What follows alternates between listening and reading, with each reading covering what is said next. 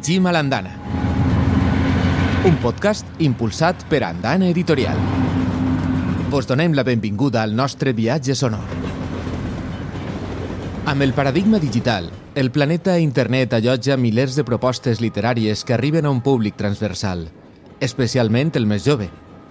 Amàlia Garrigós i jo mateix, Xavier Martínez, vos convidem a aturar-nos en diferents andanes per a conèixer el treball de divulgació de llibres que fan les persones anomenades influencers a través d'Instagram, TikTok o YouTube. Soc Marta Meneu, tinc 24 anys, eh, soc comunicadora, em dedico a la comunicació cultural principalment i eh, dins eh, el món de la literatura, dins la divulgació literària, vaig començar amb el meu projecte personal que es diu La Prestatgeria, que consisteix a divulgació literària en xarxes socials i a banda també he treballat en la vessant de comunicació en diferents editorials. Com he dit, La Prestatgeria, que és el meu projecte personal de divulgació literària, és transmèdia i amb transmèdia em referís a que s'articula en diferents xarxes socials que hi ha a internet i intenta adaptar-se a cada format que presenta eh, cada xarxa social. No? Per exemple, en WordPress, en blog, està el format escrit, després també hi ha un canal de YouTube amb eh, vídeos més llargs, eh, hi ha un perfil a Instagram amb vídeos més curts i fotografies, és a dir, que la prestatgeria és un projecte que es basa en eh, parlar de llibres eh, en valencià i a partir d'ahir, eh, amb tots els canvis tan ràpids no, que hi ha en l'esfera digital, la prestatgeria va adaptant-se a, a aquests canvis de, de cada plataforma. Per a mi els avantatges d'aquestes plataformes digitals és que um, és molt més fàcil arribar a la gent i, i per a mi personalment també ha sigut més fàcil provar diferents formats. No? Al final, estar en un mitjà de comunicació, per exemple, el format escrit, el desenvolupes molt, però estar en, en internet t'obliga un poc a, a haver d'aprendre de tot, no? haver d'aprendre un poc d'àudio, haver d'aprendre de vídeo, d'escriptura, haver d'aprendre eh, de manera un poc més multidisciplinar. Hola, jo sóc Irene Rodrigo, tinc 32 anys, sóc de Puçol, de l'Horta Nord de València, i eh, em considero divulgadora literària, que per a mi és tractar de transmetre a altres persones la passió pels llibres i per la lectura. Jo últimament, sobretot, eh, utilitze YouTube per a fer les meues prescripcions literàries o per a parlar de llibres.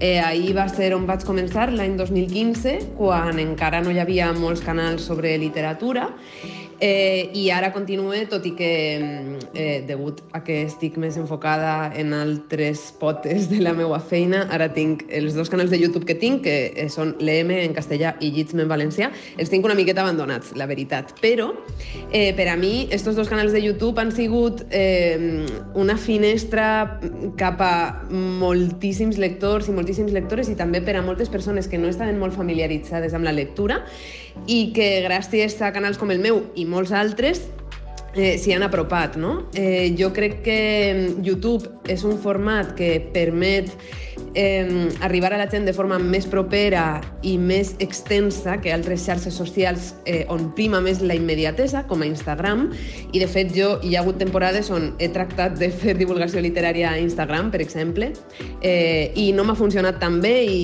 no, jo mateixa no he estat tan còmoda, perquè per a mi els formats més extensos i, i més dilatats eh, funcionen molt millor i em permeten mm, tractar les temàtiques que vull tractar d'una forma més rigorosa. Hola, em dic Sara, tinc 26 anys i els meus estudis diuen que sóc periodista i gestora cultural, però ara mateix estic treballant en l'àmbit sanitari. El que sí que estic fent és estudiar el grau de Llengua i Literatura Catalanes a la UOC. Així que de moment no he exercit com a prescriptora de llibres, però sí que estic bastant encaminada. Parlo de llibres a Instagram i crec que el principal avantatge que he trobat és que allà no sóc ni he de ser una periodista, sinó una lectora més. Jo ja vaig obrir l'Instagram amb que el meu objectiu era poder explicar què m'havien semblat els llibres que llegia a les meves amigues i, per tant, vaig començar parlant com si estigués al bar amb elles i a poc a poc s'hi van afegint gent i jo he seguit parlant com si estigués a un bar amb les meves amigues. I crec que això és el que ha fet que, que la gent li hagi agradat el meu contingut i em segueixi i em comenti, perquè no només és una cosa unidireccional que jo publico i la gent llegeix, sinó que dedico moltes hores també a parlar amb, amb la gent per missatge privat, per exemple, gent que em demana recomanacions, que em diu que ha llegit un llibre que li ha agradat molt i, i coses d'aquest estil. Per tant, crec que principalment és que allà sóc una lectora, una noia de 26 anys que llegeix bastant i no una periodista. I crec que a mi m'ha beneficiat això. Marta, Irene, Sara, Creieu que actualment és necessari estar present en les plataformes o dispositius digitals per tal d'arribar al sector de població més jove? Pense que sí que és necessari avui en dia estar present en les plataformes digitals per a arribar al sector de la població més jove perquè tot i aquests comentaris una mica, en la meva opinió, adultocentristes de que els joves ara estem sempre amb les pantalles, al final és una realitat innegable que no és que, estem, no és que els joves estem sempre amb les pantalles ara mateix, sinó que eh, els entorns digitals s'han convertit en una part més de la nostra vida, és a dir, ens relacionem també ahir dins, no? Eh, lliguem a través de les xarxes socials, eh, creem els nostres records també a través de les xarxes socials i al final hem construït una manera de narrar-nos a nosaltres mateixos i de veure la realitat a través de les xarxes socials. No? Aleshores, eh, qual, per a mi qualsevol projecte que, que vulgui adreçar-se a la gent jove ara mateix ha de passar també per, per l'entorn digital i per les xarxes socials. Sí que crec que és necessari estar a internet i a les plataformes digitals per arribar a les persones més joves, però no crec que calga estar a totes les plataformes. És a dir, moltes vegades a les persones prescriptores de llibres o, o de qualsevol altra esfera cultural, de cinema, de música, de la que siga, eh, moltes vegades a aquestes persones que ens dediquem a això se'ns posa damunt la pressió d'haver d'estar a totes les plataformes alhora, no? d'estar a Instagram, a Twitter, a YouTube, a TikTok, ara, i realment jo crec que no és necessari. Jo crec que eh, si una persona vol estar a totes les plataformes, eh, millor per a ella, si vol, perquè és veritat que arribarà a un públic molt més ample, no? Però mm, jo eh, al, al llarg del temps ja he decidit triar una o dos plataformes, en el meu cas la que, la, la que predomina sobre les altres és YouTube, eh, perquè pense que puc centrar-me millor eh, en la meva feina si només trie una plataforma i dedique totes les meues energies a treballar per a aquesta plataforma. No? Eh, I en YouTube eh, hi ha persones joves igual que n'hi ha a Instagram i igual que n'hi ha a TikTok. Sense cap mena de dubte, crec que és fonamental estar present a les plataformes digitals per arribar a la gent jove. De fet, crec que ja era fonamental quan jo era adolescent, que fa 10 o 15 anys d'això, i, i per tant no m'imagino ara però, però sí, sí que és veritat que jo no, no crec que... O sigui, jo tinc molt poc públic jove perquè el contingut que faig i també l'edat que tinc jo, perquè al final jo sóc jove per, per tots els pares i mares dels adolescents, però aquests adolescents a mi ja em veuen gran, sóc una, una dona de, de, de quasi 30 anys. Llavors, crec que el, el meu contingut no està tan dirigit a joves, però sí, sense cap mena de dubte, qualsevol persona que vulgui apropar-se a la gent jove ha d'estar present a les plataformes digitals. Quants seguidors teniu? I quins perfils de persones vos segueixen i també quin feedback rebeu? Tinc 2.970 seguidors, més o menys, i més d'un 40% tenen la meva edat. O sigui, que amb qui més connecto és amb gent de la meva generació, que també crec que, que, és, que és el més normal, perquè quan parlo de llibres o quan parlo de coses de la meva vida, ho faig des del meu punt de vista, no, no intento ser analítica. Poques vegades faig sinopsis de llibres, per exemple, o, o ressenyes molt, molt tècniques. Intento parlar més de com m'he sentit, si he gaudit o no de la lectura, què, què m'ha provocat i clar, això al final crec que hi ha moltes coses que són compartides amb la gent de la meva generació. O sigui que entenc perquè la majoria de seguidors que tinc són gent de la meva edat.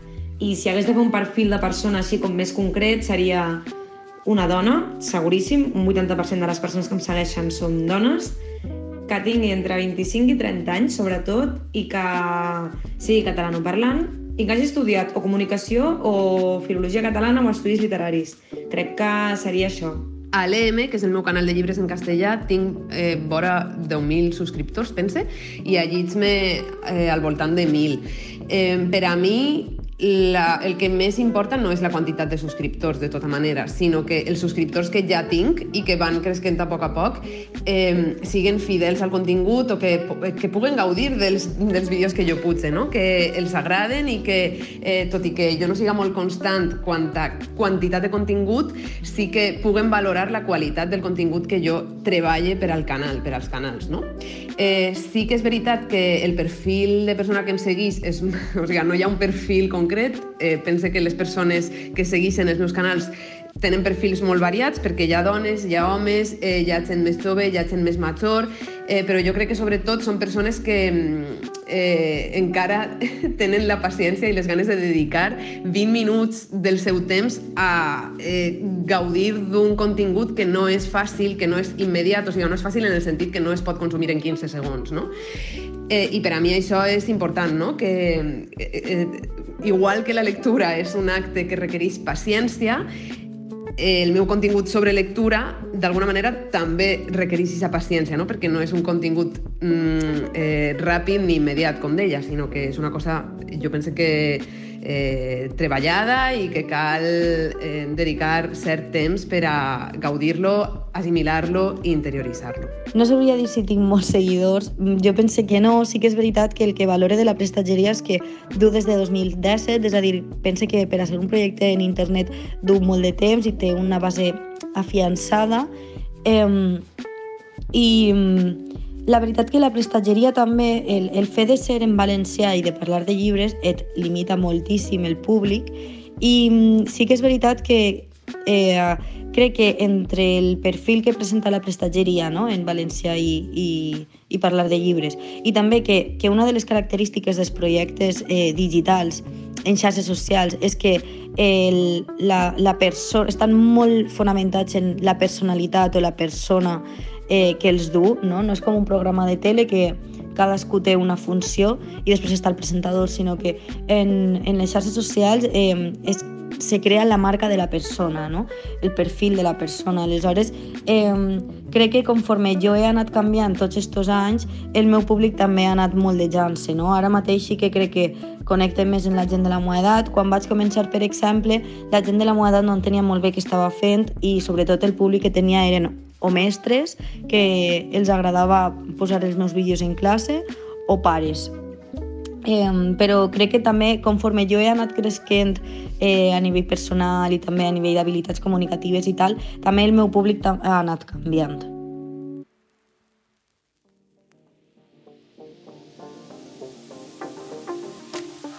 Quins gèneres literaris vos interessen més?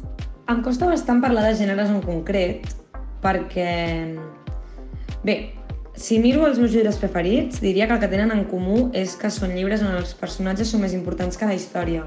Gaudeixo molt dels llibres on sembla que no estigui passant res i quan el tanques, doncs, t'ha canviat completament la teva manera de veure el món, com a mínim durant unes hores. I mm, diria que són aquests els llibres que més m'agraden.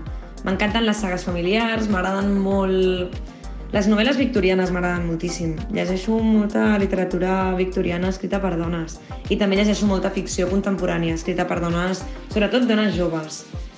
També m'agrada molt descobrir literatura japonesa i, i en general és això, les històries amb personatges profuns i les històries que et fan sentir bé m'agraden molt, perquè quan estic en èpoques de molt estrès amb la universitat, la feina i tal, m'agrada molt llegir i sentir-me feliç. O sigui, sí, seria això. A mi els gèneres que més m'interessen són, d'una banda, la narrativa realista, per dir-ho d'alguna forma, és a dir, històries de ficció que podrien succeir a la realitat, i d'altra banda, l'assaig, Eh, però estic oberta a altres gèneres i, i de tant en tant llits llibres que no tenen res a veure amb aquests dos gèneres que he esmentat i també eh, parle sobre ells als meus canals de YouTube. Els gèneres que més m'interessen són la novel·la per damunt de tot, Dins de la novel·la, per exemple, eh, m'agrada molt, eh, m'agraden molt les històries contemporànies. Últimament m'estic aficionant molt a, a llegir moltes dones. Eh, la qual cosa em posa, eh, em posa molt contenta, no? perquè al, al principi, quan llegia literatura més juvenil, eh, només llegia autors homes, i d'això estic molt contenta. Eh, també m'agraden molt les biografies i les memòries, Eh, el darrer any m'he llançat també a llegir molta novel·la gràfica i còmic, que és, estic descobrint que és un món totalment diferent i, i m'agrada molt. Eh, I diria també l'assaig eh, com a tercer gènere eh, en el meu top 3 i després, bueno, sí que sóc conscient que la poesia i el teatre em costen una mica més. Coneixeu el món editorial infantil i juvenil? I les publicacions d'Andana? Sí que conec el món editorial infantil i juvenil eh, fonamentalment perquè és on més col·laboracions faig. És a dir, és, eh, és la franja on més editorials em diuen de col·laborar i em envien les seues novetats i, i diguem que sense jo voler-ho, perquè tampoc és una decisió que jo hagi dut de vull especialitzar-me en literatura infantil i juvenil, eh, però diguem que mm, les editorials que més interès han mostrat pel meu projecte han sigut eh, sobretot amb propostes infantils i juvenils. Eh, això no significa que no que, que ho rebutge, no? És a dir, m'agrada molt la literatura juvenil perquè crec que és, és molt important eh, de cara al, al públic al que jo me vull adreçar, però sí que és veritat que jo com a lectora eh, últimament sí que estic llegint coses me, més adultes, diríem, Eh, I respecte a les publicacions d'Andana, sí, sí que les conec. M'agrada molt Andana Gràfica, per exemple. Crec que Andana és una de les editorials valencianes que més està apostant per les novel·les gràfiques i els còmics i, i, i és una cosa que valore molt perquè eh, fa uns anys no teníem quasi res en valencià d'il·lustrat i, i de novel·les gràfiques. La veritat és que la literatura infantil i juvenil no és la meva especialitat, però sí que és cert que des de fa uns anys estic col·laborant i treballant de forma constant amb diverses editorials valencianes mm, de literatura infantil i juvenil i això m'ha permès familiaritzar-me amb estos llibres moltíssim més. Eh, clar, conec Andana Editorial eh, i conec altres moltes editorials que jo penso que estan fent un treball super important, no només per a editar llibres en la nostra llengua, en valencià, sinó també per a fomentar l'ús del valencià a casa i sobretot a, les escoles, al sistema educatiu. Llegim a l'andana! La vida d'influencer és efímera. Tots acaben prompte i sovint en la ruïna. Feia un any que no publicava i ja ningú no se'n recordava de mi. Cert que duia el pentinat d'una altra manera, que no em maquillava gens i que no començava a parlar amb aquell característic «Hola, flippers!» mentre feia l'ullet. Estic convençuda que encara em quedava corda per a estona. O això m'agradava pensar. Jo, l'experta en consells amatoris i de psicologia inversa, vaig cometre un error fatal. Em vaig enamorar de qui no devia. I allò posà punt i final a l'aventura. Fragment de la novel·la Tot o res, de Francesc Gisbert.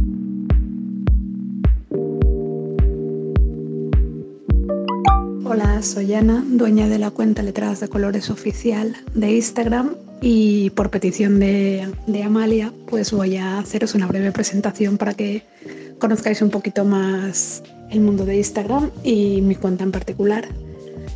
Yo eh, soy valenciana, tengo 43 años y dos hijos y leer siempre ha sido una de mis grandes pasiones. Eh, llegó un momento que, bueno, todos desgraciadamente conocemos, en la que el mundo atravesó una pandemia y un montón de situaciones alrededor, ¿vale? Empezaron a complicarse en mi vida. Tanto es así que pasamos como familia una, una etapa muy, muy difícil en la que los libros se compartir la lectura se convirtió en nuestro lugar seguro, ¿vale? Donde no había drama y donde no había tristeza. La situación pasó, pero esa costumbre se quedó. Quisimos seguir manteniendo ese espacio donde como familia nos sentíamos cómodos y surgió el planteamiento de, la cuenta, ¿vale? En principio para compartir las lecturas que, que teníamos mi hija pequeña y yo. Poco a poco ese espacio se ha ido haciendo grande, puesto que yo leo mucho también y he sentido la necesidad de, compartir con vosotros. Y bueno, hoy por hoy tenemos una cuenta en la que podéis encontrar todo tipo de géneros y para todas las edades. Decidí crear la cuenta en, en Instagram en primer lugar inspirada por, por una gran bookstagrammer, ¿vale? Que, que es Ariencilla, que además de Bookstagrammer se ha convertido en muy buena amiga. Y, y bueno, viendo su cuenta, viendo la, lo estética que era, lo bonita, que Instagram da la posibilidad tanto de texto, de hacer una reseña, como de, de imagen, me pareció que era el, el, formato perfecto para lo que, lo que yo quería lo que yo quería contar, que además de, de, explicar con texto lo que, lo que me hacía sentir el libro, quería mostrarlo para que lo identificarais fácilmente y bueno, para completar ¿no? ese, para formar un conjunto que fuera visualmente atractivo. Eh, os preguntaréis muchos que qué es Bookstagram, ¿vale? ¿Qué es ser Bookstagrammer? Pues bueno, mmm, somos usuarios de Instagram que centramos nuestras cuentas en contenidos de, literatura. No hay gran diferencia. Eh, hay, Instagramers de moda, de lifestyle. Pues nosotras leemos y, reseñamos aquello que, leemos, recomendamos libros, compartimos opiniones, bueno, pues un poquito, un poquito de todo, pero siempre girando en torno al mundo literario. Por supuesto, eh, las redes sociales hoy por hoy son fundamentales de cara a tener visibilidad y sobre todo entre el público joven. Antes era la televisión la que cubría ese, bueno, la que ofrecía esa visibilidad, la que ofrecía al espectador esa información, pero poco a poco las redes sociales, que son mucho más interactivas, que puedes participar con ellas, te puedes comunicar a través de ellas, le han copado completamente el espacio y hoy por hoy raro es el chaval o la, o la niña o chica que no tiene una cuenta de, de Instagram o de diferentes redes sociales y que la manejan con total soltura. A día de hoy ya la cuenta ya ha superado los 70.000 seguidores. No hay una fórmula mágica para, para llegar a esos números. La, la, clave, como en cualquier cosa que hagas, es las ganas que pongas, el esfuerzo, la constancia y también el enfoque que tú le des. Si tu enfoque es como algo de ocio, a lo que le dedicas tu tiempo libre, cuando tienes un rato, pues también los resultados que vas a obtener van a ser menores en el sentido de que va a ir más poco a poco y más de otra manera.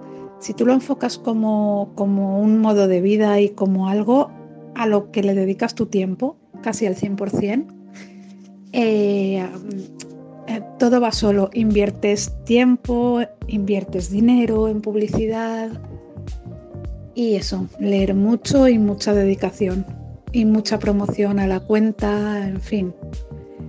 No es, no es magia, es trabajo.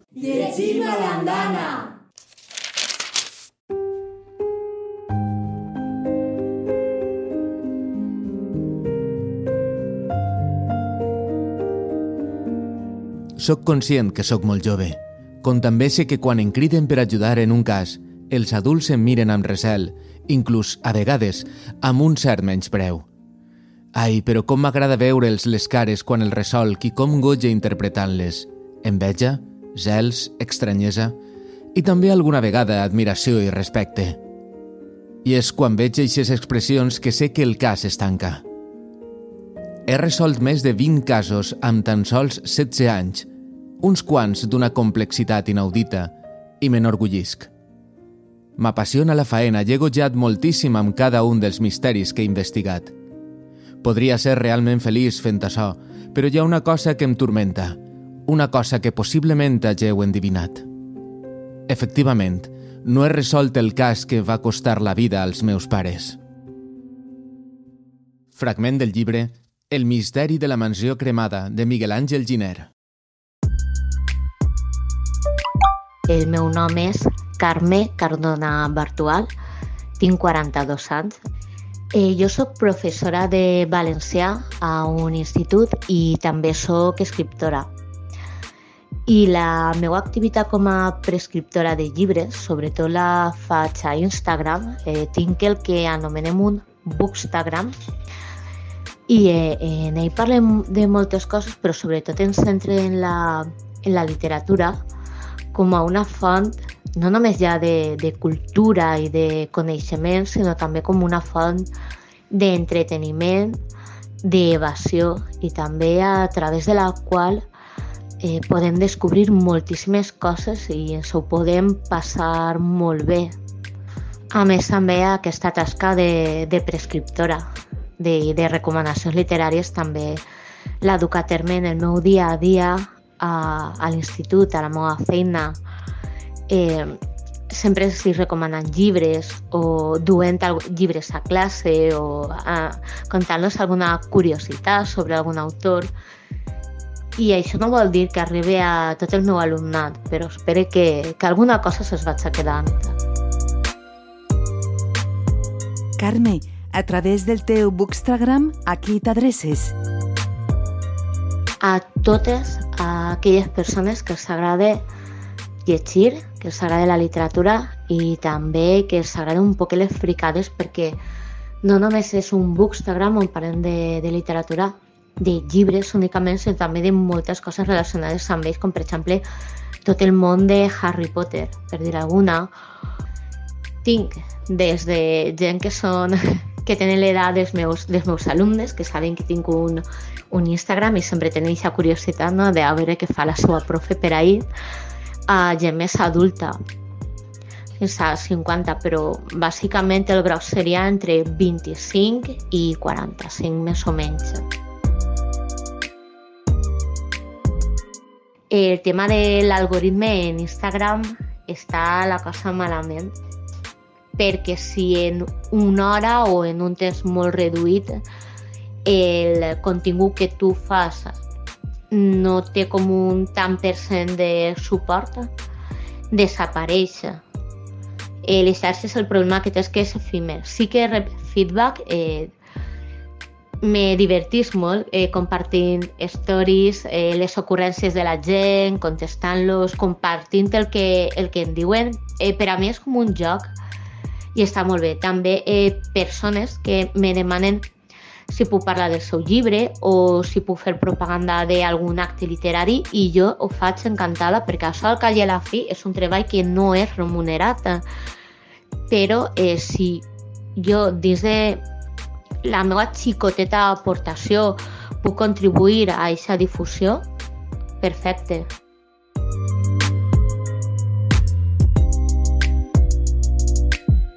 M'interessa, m'interessa el gènere fantàstic la novel·la negra, eh, la novel·la policíaca, les llegendes valencianes. En general sí que és cert que llisc un, un poquet de tot, perquè ho he de fer.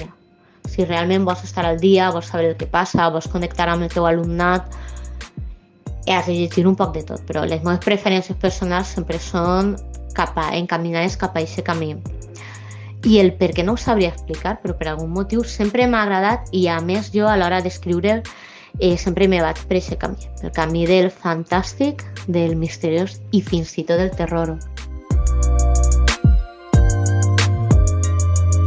El món editorial infantil i juvenil el conec, el, tant per qüestions familiars com per qüestions de feina, treballo amb adolescents, així que sí que he d'estar al dia de, de les novetats que eixen, de les noves tendències, dels temes a tractar. També una de les meves novel·les és juvenil, La Casa Invisible, que va ser premi Dia Febus, dels Premis Lletra Ferita al 2022. I conec les publicacions d'Andana i tant que les conec.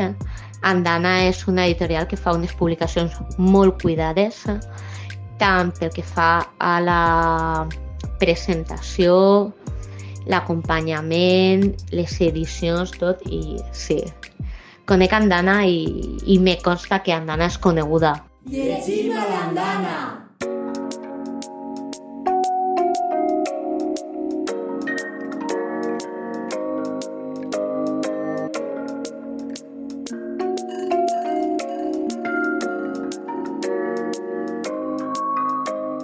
Buscant persones influencers que divulguen, prescriguen o recomanen lectures, ens crida molt l'atenció que la majoria d'elles són dones. Ens preguntem per quines raons trobar algun home que parle de llibres a les plataformes digitals és com trobar una agulla en el pallar. Sara, del comte Sara Holmes, s'aventura a llançar la seva teoria. Se'm fa bastant complicat, per no dir impossible, no generalitzar parlant de per què hi ha més dones que homes fent servir fent contingut literari a la xarxa i per això és una cosa que sempre acostumo a parlar com en privat perquè és allò que fa una mica de cosa dir-ho en veu alta. Però bé, o sigui, abans de res, sí que és evident que si hi ha més consumidores és normal que hi hagi més creadores i no crec que el meu... Jo tinc un 80% de seguidores dones, doncs no crec que sigui una cosa exclusiva del meu compte. Això per començar. Però sí que hi ha, crec que hi ha una cosa més enllà d'això. I és que quan ens obrim el compte de, de Bookstagram, diguéssim, ho fem, evidentment, estic generalitzant, però jo i les persones que he conegut, que he pogut conèixer més, que també tenen un compte de Bookstagram, ho hem fet perquè tenim ganes de parlar de les nostres lectures des d'un punt més sensible, des d'un punt més, més emocional. De fet, hi ha moltíssimes periodistes que tenen un compte de Bookstagram i el tenen precisament per això, perquè allà poden doncs això, ser una lectora i parlar des d'un punt de vista on no se t'està exigint res, on no has de demostrar que ets la que més en sap de res, ni, ni la que més llegeix, ni la que més res, simplement estàs explicant què t'ha semblat el llibre que, que has llegit des d'un punt de vista, doncs això, més emocional, jo diria més emocional. I sí que és molt fàcil saber darrere de quins comptes hi ha homes. I és perquè ells, encara no m'he trobat gaires homes que parlin així de, dels llibres. Ells són com molt més analítics, o sigui, em fa l'efecte que són un percentatge molt més alt d'homes sent analítics que de dones sent analítiques. Llavors, potser és que Instagram no és el lloc ideal on ser analític, sinó que és un lloc, al final, per què entrem a Instagram? Doncs per veure què fa l'altra gent. És, és una xarxa que és per, per tafanejar, principalment. Evidentment, agafem idees de quins llibres podem llegir i tal, però també jo, jo sóc conscient que si tinc mm, tants seguidors per, per tenint en compte que ho faig tot en, en català i que tot el que llegeixo, pràcticament tot és en català, és perquè també parlo de la meva vida i no només dels llibres i perquè li poso aquest toc com de d'humor i d'això i, i m'he creat com un personatge no, no un personatge, perquè en realitat sóc bastant així, però aquest tema que sóc bastant desastre, que vaig sempre liada i tal, doncs això a la gent li agrada perquè quan entres a Instagram també t'agrada veure la vida dels altres. I, a, I ells és com que no ho fan tant. De fet, ara no se m'acut cap compte d'home gestionat per un home on no només parli del llibre, sinó que també parli del seu dia a dia. Llavors, crec que potser per això ells no han trobat a, a Instagram el seu espai.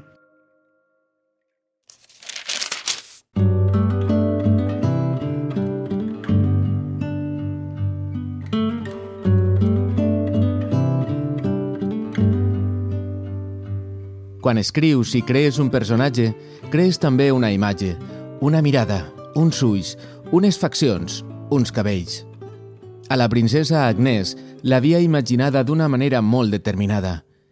I el que no hauria esperat de cap de les maneres és trobar-me-la a l'institut, a primera hora, dreta a la porta de classe, contestant amb un somriure nerviós a les mirades encuriosides que li llançaven les xiques i l'escaneig al·lucinant dels xics. Perquè aquella xica era Agnès. Bé, òbviament no ho era, perquè la princesa del meu conte no existeix ni ha existit mai. Però tenia la sensació d'haver vist aquella cara. Si en comptes dels texans i la samarreta blanca de tirants haguera aparegut amb un vestit d'època, hauria cregut que la princesa havia abandonat els circuits impresos de l'ordinador, allà on estiguera emmagatzemat el document de Word. Fragment de la novel·la El meu nom no és Irina, de Xavier Aliaga.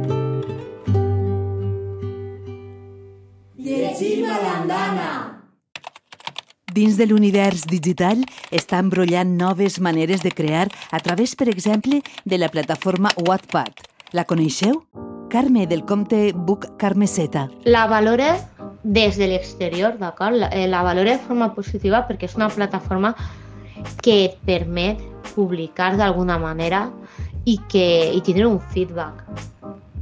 Sempre perquè el, el fet d'escriure és una cosa solitària i fins que el que escrius no ix a la llum i eixirà a la llum és que el llisca una altra persona, no saps quin impacte pot tindre. Així que des d'aquest punt de vista sí que la valore de manera positiva.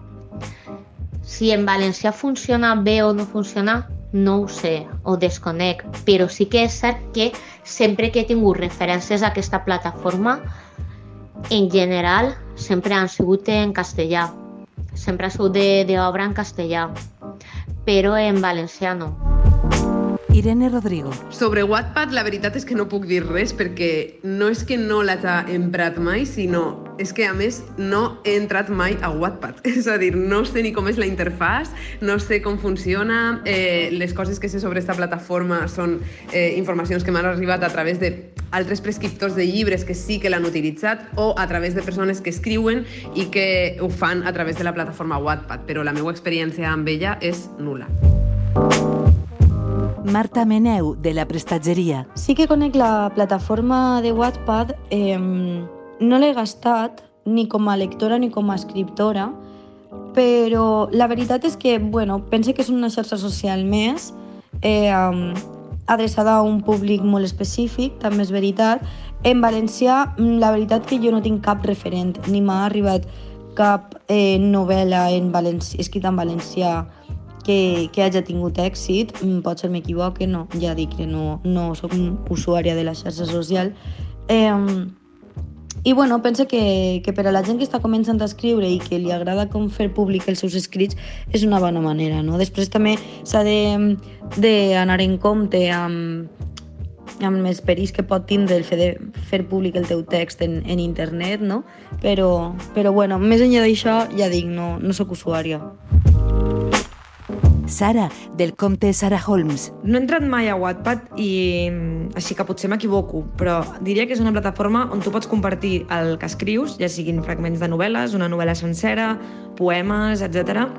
I pots comentar i votar les d'altres, em sembla que es fan llistes també, i diria que fins i tot s'han publicat llibres que s'han escrit a través de, de la plataforma.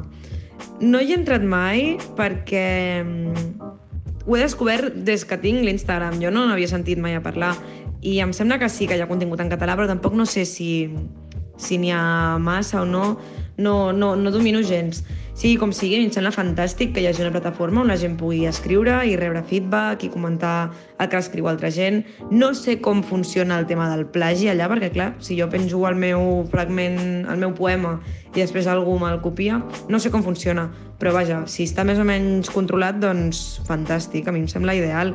Cadascú troba la seva manera de, de donar-se a conèixer.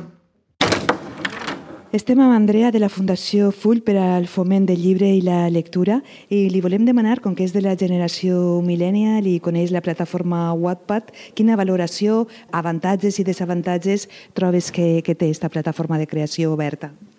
Bé, jo crec que l'avantatge més, més potent que té és que és una plataforma que democratitza, al igual que internet en general, l'accés de qualsevol persona a poder contar les seues històries i tenir un feedback directe de, de lector, sobretot per a gent jove que, que s'inicia en, en l'escriptura, eh, pues és una molt bona plataforma per a, per a poder fer-ho.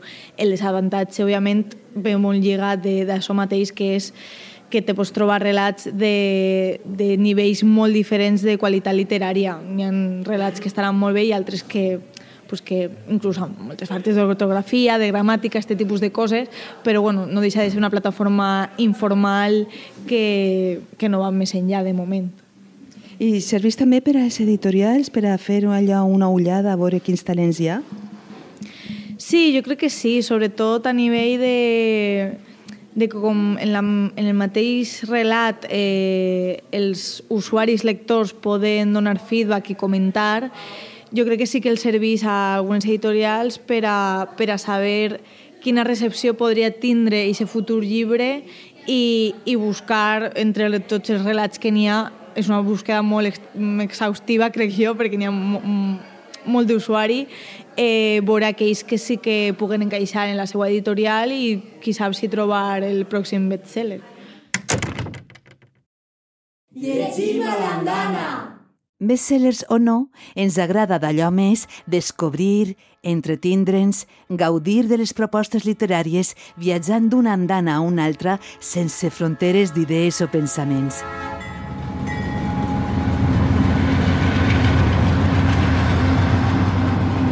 Llegim a l'Andana, un podcast d'Andana Editorial. Gràcies per viatjar amb nosaltres.